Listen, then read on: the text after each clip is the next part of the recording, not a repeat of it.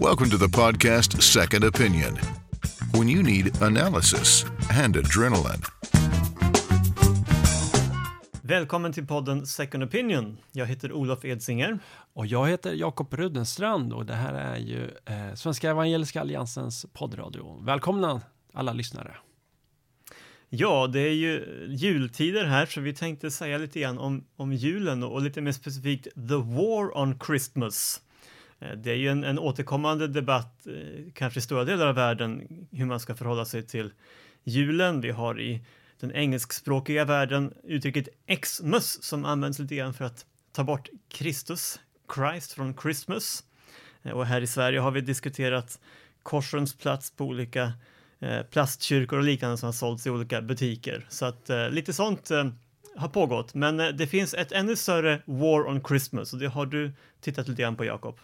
Ja, man kan, ju, man kan ju förhålla sig på olika sätt till just eh, kan man säga, den västerländska debatten kring, kring vår, vår världs ambivalens kring eh, eh, julen och den, de, det kristna inslaget i julen, oavsett liksom om man eh, säger att julen har med Jesus att göra eller inte, så, så bleknar ju den här eh, västerländska debatten i jämförelse med all den förföljelse som kristna faktiskt utsätts för eh, specifikt under jul och mm. andra kristna högtider. Eh, bara för någon vecka sedan, jag tror det var under första advent, eh, som en församling i Burkina Faso attackerades där, där kristna fick sätta livet till. Det har även skett liknande attacker under de föregående år i i eh, Myanmar har eh, radikala buddhistmunkar attackerat kristna församlingar mm. under julhelgerna och julfiranden. I ehm, eh, Indien, bara för, no bara för att liksom nämna ett, ett land där eh, vi i Sverige har ett väldigt tätt samarbete med kring handel just nu och kungen och utrikesministern var där bara för någon vecka sedan. Eh, där drabbas kristna eh, väldigt mycket av förföljelse under julledigheterna och det, det, har gjort det historiskt. Så man kan ju, man kan ju, man kan ju kon, lugnt konstatera att eh, när man pratar om War on Christmas i, i västerländska sammanhang så, eh, så får man ju verkligen inte eh, glömma bort den, all, den, den, den, den ännu större allvarliga bilden som, som kristna i andra länder utsätts för under, under jul. Mm. Eh, även under påskledigheterna där Eh, årets kanske största attack mot kristna, det som skedde i Sri Lanka, just hände under eh, påskhelgen. Eh, men det har blivit lite grann av en återkommande tradition att, att kristna attackeras under, under julen. I Nigeria, i, i Egypten, eh, under den koptiska julen som ju är efter, efter nyår, eh, vår ny, vårt nyår, så, så drabbas ju också kristna där. Mm. Och jag misstänker att det är lite olika fenomen som döljer sig bakom det här. Dels har vi ju hela manifestationen av, av tron, alltså det har vi ju också i Sverige att det är helt okej okay att vara kristen så länge det inte syns så att säga, men mm. någonstans kring högtiderna så märks det lite extra. Mm. Och jag antar också att på vissa håll är det lite grann eh, kritik mot västerländskt inflytande också som spelar in. Ja, ja, eh, inte minst i, eh, i Iran till exempel så, så, så måste man ju Eh, som kristen, som personlig kristen när man vill fira jul, göra det i eh, yttersta hemlighet. Man berättar inte det för grannar att man har en julfirande. Eh, man har inga julbelysningar. Eh, mycket av, av det måste ske i, i största hemlighet. Och så har vi liksom det, det land som kanske är mest farligast för att vara kristen i eh, Nordkorea. Där kristna firar jul i skogsgläntor, i, mm. i, i, i, allra, tyst, allra eh, största tystnad. Man, man, man sjunger inte ens sånger eh, högt, utan man, eh, man, man, man tillber Jesus i tyst helt enkelt. Mm. Ja, det är verkligen en påminnelse om att vi har också mycket att vara tacksamma för mm, mm. Eh, i vår lilla världen. Mm. Och samtidigt så är ju inte Sverige helt obefläckat när det gäller det här med förföljelse av kristna heller. Nej, nej. Eh, nu har det ju på senare tid då varit särskilt de här omdiskuterade fallen med konvertiter som vi sänder tillbaka och nu när vi spelar in det här har det varit precis en stor nyhet om Abbas som har varit en, en aktiv person i, i, en lokal församling i Linköping, uh, till och med söndagsskollärare eh, där man då hämtade honom från förvaret och skickade hem honom som man säger. Men det är Mm. klart att åka hem till Afghanistan som kristen är ju ingen lek direkt. Nej, precis. Eh. Det är ju ett av de eh, farligaste länderna. Eh, tangerar första plats med eh, Nordkorea eh, när det gäller faran eh, för kristna eh, att befinna sig i, synnerhet kristna konvertiter, eh, alltså med, med bakgrund som, som muslimskt troende. Ja, vi har ju hela det här med den sociala kontrollen, att, att i en kompakt muslimsk eh, miljö så det räcker att du inte går till moskén så är du misstänkliggjord. Du behöver ju inte fira julen som man säger så. Nej. Det är ju en väldigt synlig manifestation, men, men bara att du inte går till moskén och inte ber på det sätt som alla andra ber eh, är provocerande nog och, och väcker definitivt misstankar. Och eh, om de då besannas så är ju faktiskt straffet för en konvertit döden. Mm. Eh, vi har ju diskuterat i Sverige kompetensutvisningar liksom, av människor som är eh, speciellt skickade för vissa arbetsuppgifter och liksom har talanger i en rad områden där vi, liksom, vi i Sverige har behov. Eh, och här var det ju en person som var aktiv som söndagsskollärare i, i sin församling och alla som eh, arbetat i församlingen känner ju till att, att, att söndagsskolelärare eh, växer inte på träd. Så eh, man, man, man, ska, man ska inte liksom raljera över det här eftersom det är så seriöst men man kan ju lugnt konstatera att det handlar om en kompetensutvisning av, av, av en person som har varit aktiv som söndagsskollärare.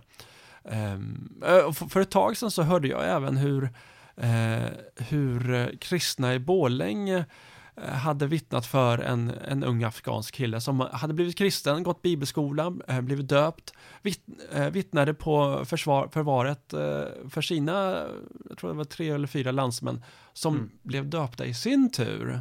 Mm. Blev, blev kristna, eh, bekände Jesus, blev döpt, döpta. Och han blev hemskickad då till Afghanistan. Eh, man kan ju, man, man häpnar över den, eh, Eh, den bristande kompetens som Migrationsverkets eh, personal uppvisar här när personer som har varit, eh, som är engagerade som sönderskollärare, som vittnar för människor, leder dem till tro ser till att de blir döpta, utvisas till, till länder där det är fara för deras liv. Verkligen, och jag var på ett seminarium i Uppsala för, för en tid sedan där man diskuterade just de här äh, konvertitärendena och, och det har gjorts en, en utredning eller rapport snarare om, om de fallen som kom här äh, för en tid sedan men som man aktualiserade på nytt.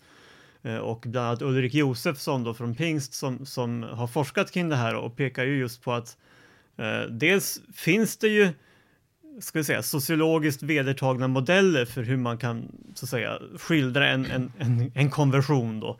Eh, och de har man ju då inte använt sig av på, på Migrationsverket så att det finns så att säga etablerad forskning som man bortser från.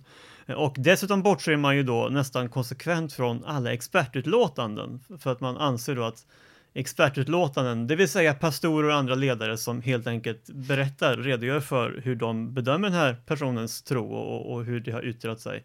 Det ses som partsinlagor. Och det blir ju verkligen ett slags moment 22, alltså de som har bäst koll får inte uttala sig. Mm. Eh, Och, eh, men också faktiskt eh, anmärkningsvärt rent akademiskt att, att den forskning som finns kring de här processerna inte får spela in i bedömningarna. Så det finns så att säga, på väldigt många plan saker att, att anmärka på och Mm. eh, den sammantagna bilden är ju verkligen inte till Mm. Sveriges fördel. Det här är ju en, en, en faktiskt en rättsskandal. Mm. Eh, både genom bristande så att säga, metoder men också det här godtyckliga bemötandet där man ju till och med har kunnat visa att beroende på den politiska hemvisten hos nämndemännen så avgör det i ganska hög utsträckning om man får stanna eller inte. Mm, mm. Och vi talar ändå om frågor som är på liv och död här. Mm. Och det, det, är ju, det är ju en märklig inkonsekvens här när eh, man avvisar pastorers och prästers utlåtanden eh, eftersom de är ju de som har följt de här personerna i deras tro. De är vana självsörjare, de, de har sett Mm. människor komma till tro, de vet liksom hur, eh, hur resan ser ut så att säga. Eh, och att de sedan avvisas för, för, så, eftersom de ses som partsinlagor. Eh, de, liksom, kritiken är implicit liksom här att de, de, är, eh, de vill att de ska se- ses som kristna. Men det är så många andra, andra områden som där eh, expertvittnen inte, eh, expertvittnen är, är i högsta grad partiska. Tänker jag på läkare som eh, gör bedömningar om en person klarar av med, rent medicinskt att åka hem. De är ju partsinlagor på det sättet liksom, mm. att de är, har ju förbundit sig att att den här personen inte ska eh, drabbas av ännu mer sjukdom eller sjuk, sjukningen ännu mera. Så här har man ju en eh, dubbla, dub, dubbla måttstockar eh, enligt, enligt mitt sätt att se det när, när man i andra områden bejakar partsinlagor mm. men förkastar partsinlagor som har att göra med religiös övertygelse. Jo, nej, och sen är det väl tyvärr en del av bilden att ibland så förkastas också andra expertutlåtanden. Mm. Det är ju mycket som är märkligt i svenskt myndighetsutövande nu med Försäkringskassan är ju en av de stora frågorna också. Mm. Det behöver vi inte ta idag, men, men som sagt, det finns en del att jobba på i svensk ja. offentlig förvaltning. Det kan ja, man nog vara, vara rätt tydlig med. Eh, och som sagt, här handlar det ändå om liv och död, det handlar om internationella konventioner. Mm. Eh, man kan självklart ha lite olika syn på det här med Eh, med migrationspolitik och liknande. Men, men nu mm. talar vi om, om grundläggande rättigheter att söka asyl utifrån att man mm. faktiskt har fara för sitt liv. Mm. Eh, och, och, det är dessutom så här att eh, till och med om det skulle slinka igenom någon som inte är genuin kristen eh, så är det ju faktiskt så att de också hotas av dödsstraff, för de har ju fortfarande lämnat islam. Mm. Och de har offentligt bekänt sig till den kristna tron. Mm. Eh, så, så jag är absolut ingen vän av att vi ska så att säga släppa igenom för många som, som, som luras. Men, men den lilla grupp det handlar om, i den här konvertitutredningen mm. så talar man om 11 procent ungefär. Mm. Eh, så ska vi självklart försöka identifiera dem, men, men hellre att ta risk åt, åt fel håll, äh, än, äh, åt rätt håll, hur man nu, håll, hur man nu ser precis, på precis. det. Att hellre någon får slinka igenom än att man faktiskt skickar människor i döden, det tycker jag är en, en fullständigt självklar devis. Och man kan ju också, man kan ju också göra en observation här. Här har vi varit väldigt eh, sena med att att eh, avvisa de personer som enligt Säpo är en risk för nationens säkerhet. Eh, samtidigt som vi är väldigt effektiva eh, med att skicka iväg människor som, eh, som har sökt sig hit för att eh, få trygghet för att de har fått en ny tro, de har funnit Jesus ja. och vill vara med och bygga upp ett nytt land. I SEA har vi ju eh, sen i somras gjort en rapport till FN där vi har inkluderat hänvisningen till eh, den här konvertitutredningen som Ulrik Josefsson eh, presiderade, eh, ledde. Och eh, den, den rapporten kommer ju, har ju kommit upp, eller kommer upp i FN efter nyår, eh, då det är Sveriges tur att granskas i det som kallas Universal Periodic Review eh, när det gäller människorätts åtgärder och brister mm. som, som mm. Sverige har. Så det är någonting som vi kommer återkomma till. Eh, alldeles strax kommer vi att eh, ha ett samtal med David Filsens som nyligen besökte Sverige i samband med vår konferens Uppdrag Guds rike. Han var teamledare för den rapport som brittiska UD tog fram under det här gångna året.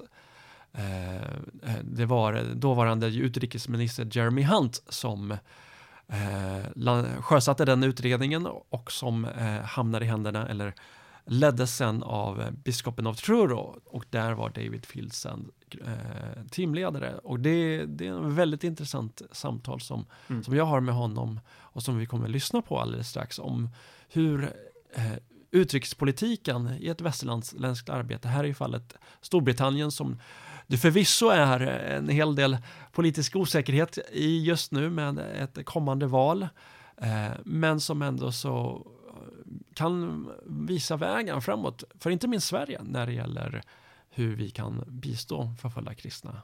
Mm. Verkligen. Vi hoppas att alla goda krafter får hjälpas åt i de här frågorna och se vill vara en del i det.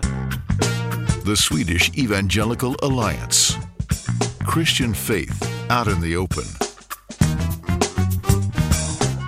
Nu ska vi ta och samtala med David Filsen. David Filsen är ordförande för en europeisk kristen tankesmedja som heter Salux, men han var också teamledare för den rapport som eh, brittiska utrikesdepartementet tog emot nu i somras som tog upp eh, förföljelsen av kristna. Welcome David to uh, our podcast. Thank you very much Jacob. Uh, and welcome to Sweden. I'm very happy to be here again. It's my first time in Stockholm, but not the first time in Sweden. Um, you're here uh, for the conference Uppdrag Guds rike, uh, as as because you're um, you're the chairman of a Christian think tank called Sallux. That's right. Uh, can you uh, talk, uh, say something about what uh, the think tank is doing? Okay, uh, Sallux is the Latin for salt and light. We're here to encourage Christians to think about politics and society um, because it's part of our mission as Christians to be salt as well as light and to try and prevent corruption in our society and bring Christian thinking to bear. Mm. You were you're the team leader, or you were the team leader for the independent review for the foreign secretary of uh, of persecuted Christians. Uh, the report that the, the British Foreign Office received this this summer. That's correct. Uh, uh, it was it was announced on uh, the second uh, uh, the day after Christmas. Yes. Last year, twenty sixth of December. We call it Boxing Day in the UK, but that's yeah. an English peculiarity. How uh, did the the report came to happen? It, it was the personal initiative of the Foreign Secretary at the time, Jeremy Hunt, mm. who's a Christian, who in his youth read the book God's Smuggler by Brother Andrew, who mm. went on to found the Open Doors Ministry. And it's been a lifelong um, concern of his that more should be done for persecuted Christians. So when he found himself appointed the Foreign Secretary for the United Kingdom, he felt that this was a role in which he could do something for persecuted Christians. And as he um, inquired of the officials in his department uh, what was being done, uh, about religious freedom in general, not just for Christians. He was concerned to find out that there was a number of other groups, like the Rohingyas in Burma, or uh, Yazidis in Iraq, or Baha'i in Yemen, that were getting uh, high profile support from the British Foreign Office. But there didn't seem to be the same effort in aid of Christians who were being persecuted. The same interest? The uh, same interest yeah. or the same effort. Um, he put forward a number of reasons why this might be the case post colonial guilt, um, the British political feeling that we don't do God, mm. um, a number of possible reasons, which he summed up in the phrase misguided political correctness. Misguided political, political correctness. correctness. And he said this is not good enough. Yeah. We have to make sure that we are treating all religious groups on an even handed basis. Mm and it doesn't seem right that the Christians have been missed out. Mm. So I want an independent review to say, number one, what is the scale of the problem of persecuted Christians? Mm. What's its extent? Mm. Um, which would then justify what priority to give it. Mm. And number two, what has my department been doing in the recent past mm. to help Christians who are persecuted? And has it been enough? And what is their experience of the attitude of our diplomats around the world? Mm. Uh, one could say that, uh, according to a number number of in independent uh, reports, uh, the largest uh, religious group that are being persecuted in the world are, are Christians. Uh, the Pew Forum report mentioned this repeatedly, so one could say that, at least from my point of view, when I look at European specifically Swedish foreign policy, our uh, focus on persecuted Christians are disproportionately low when it comes to the large amount of Christians that are being be, being persecuted. Would um, you say so? Well, that's certainly the case as far as the United Kingdom is concerned, yeah. um, which was why the report was commissioned and what we discovered in the process of our review that yeah. Christians are certainly the largest group persecuted worldwide. Mm which in a sense is not surprising because we are a global religion. Mm. It's, um, everywhere. it's everywhere. It's everywhere. Yeah, whereas yeah. most other religions are just in certain regions of the world. Yeah. Uh, and how? What did you discover about what is being done from uh, from the British point of view? Well, we discovered that the there had been a significant um, decrease of funding for the Foreign Office mm -hmm. over the period of austerity, as we call it, since 2008. And so it was very difficult for overseas missions with less staff to sort out which priorities to follow. And it very much seemed to depend on the, the personal motivations and experience of embassy staff as to whether or not they were taking an interest and monitoring the situation in individual countries. There was no consistent line across the department, even though they had produced a booklet, um, guidelines for implementing freedom of religion of belief. We found a lot of embassies didn't even know it existed, and even those that knew it existed weren't putting it into practice. um, how, what, what, how did you? Uh, this is this is really interesting. That uh, there is a there is a guideline being produced, but it's not being used by the embassies.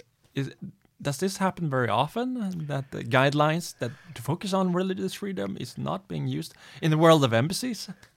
Um, embassies, whether it's British, Yeah. other Western countries, the EU, have a host of different policy priorities.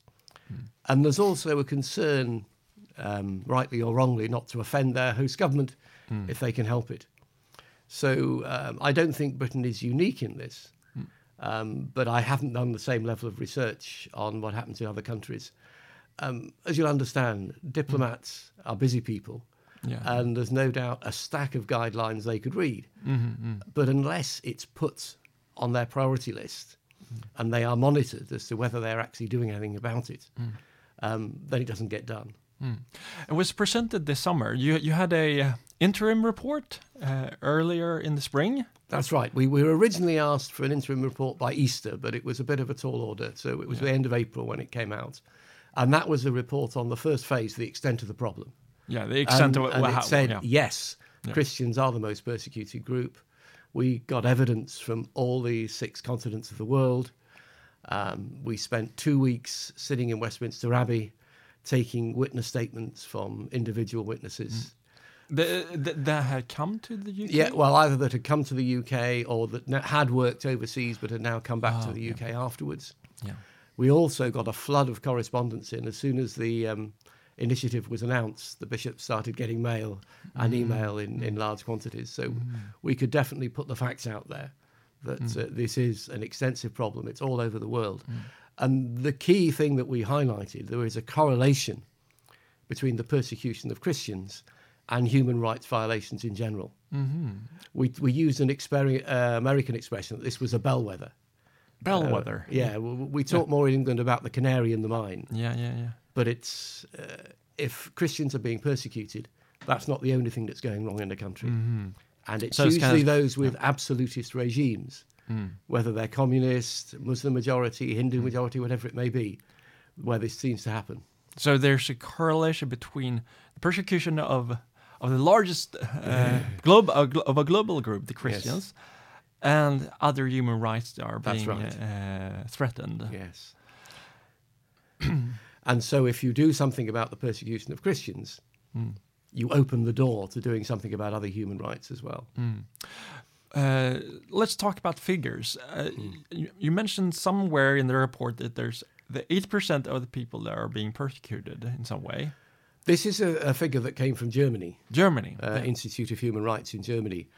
Um, there's been a lot of uh, controversy about it since, yeah, yeah, yeah. um, Yeah, I- because I- it yeah, was uh, about it. derived a few years ago, Yeah. and they they're going to redo the research, but they hadn't read it, redone it by the time we uh, brought our report out. Mm. But their figure then was 80% of religious discrimination worldwide was against Christians. Mm.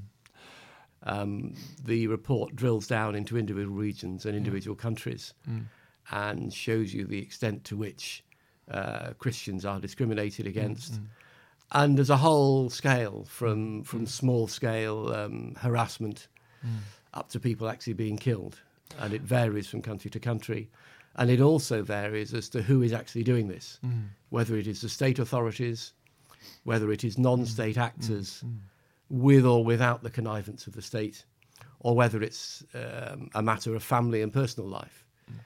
If you change your religion, you can get chucked out of your family and this sort of thing.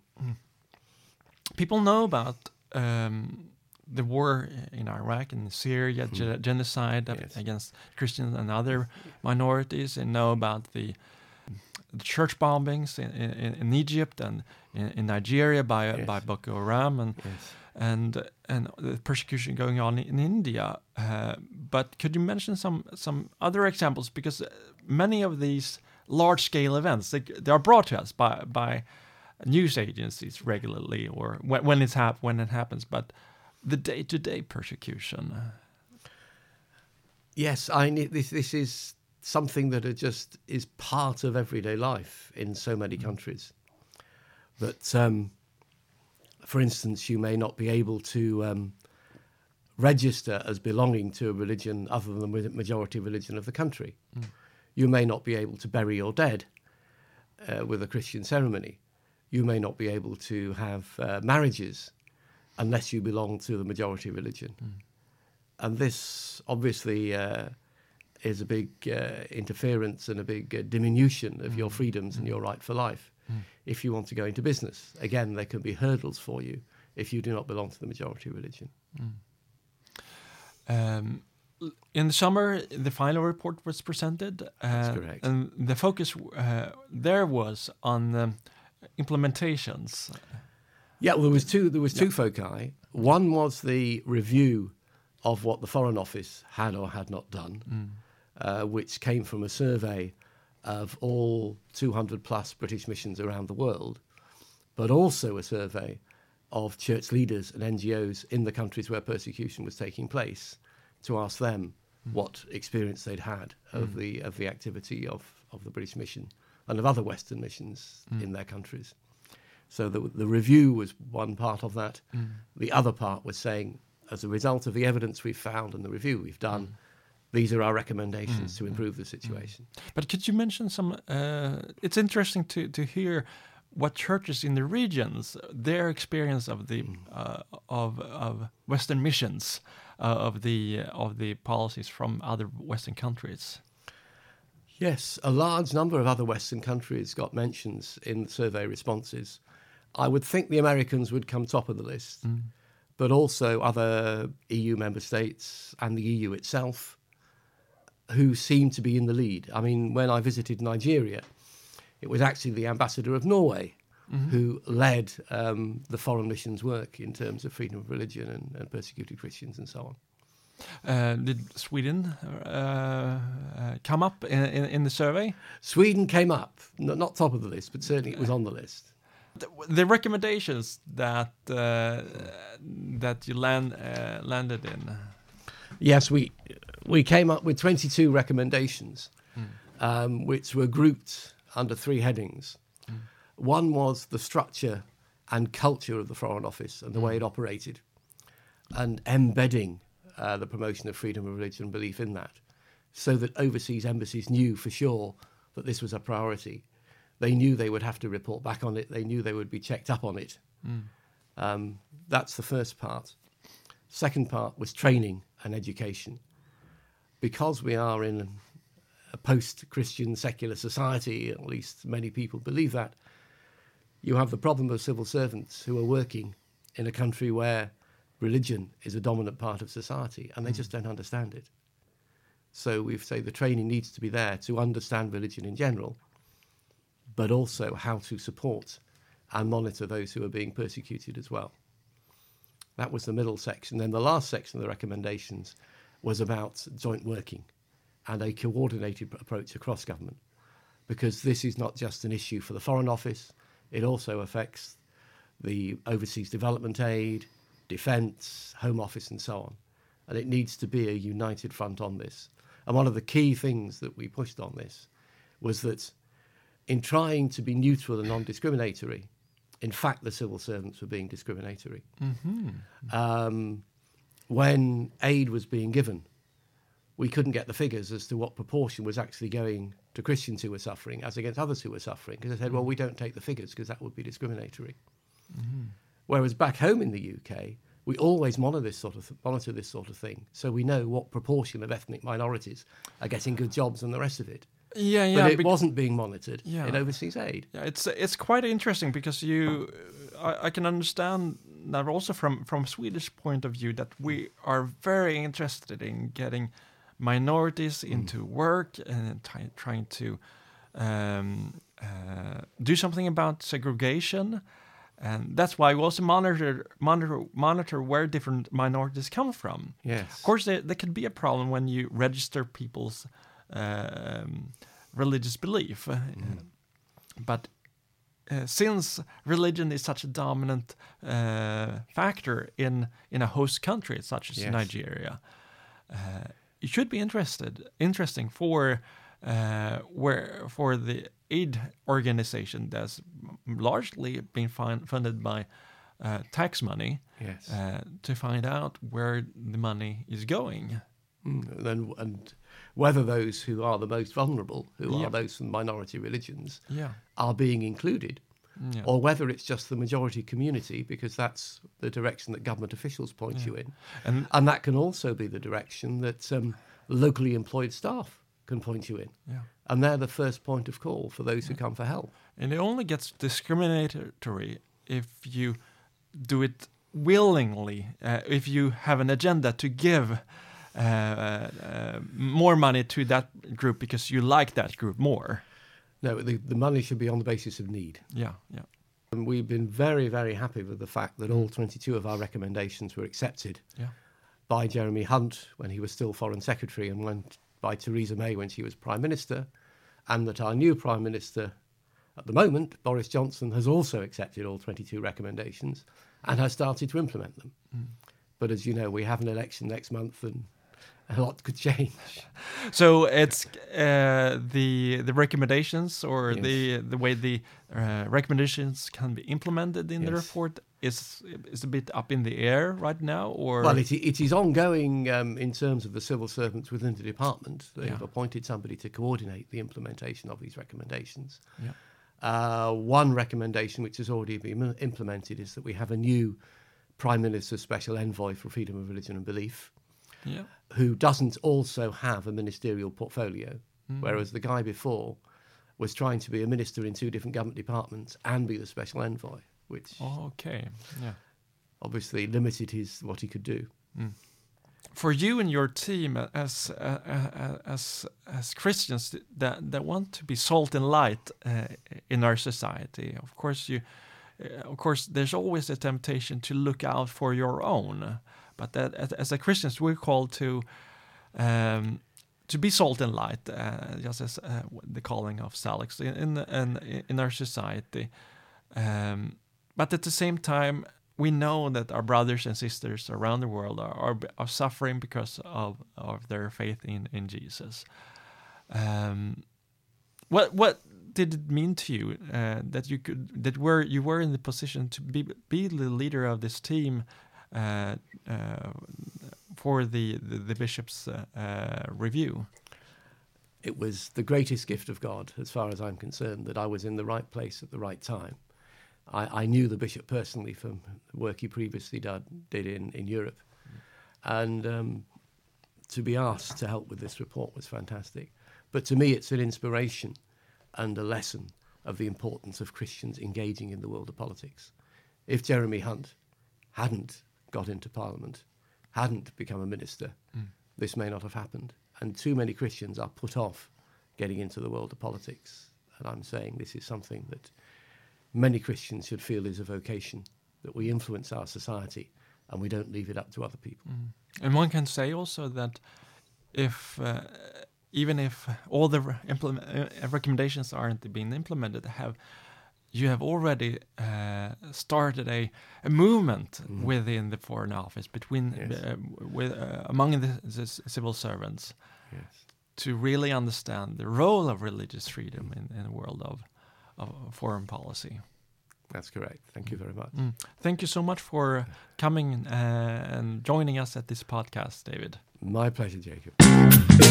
Welcome to the podcast Second Opinion, probably the most biblical podcast in the world.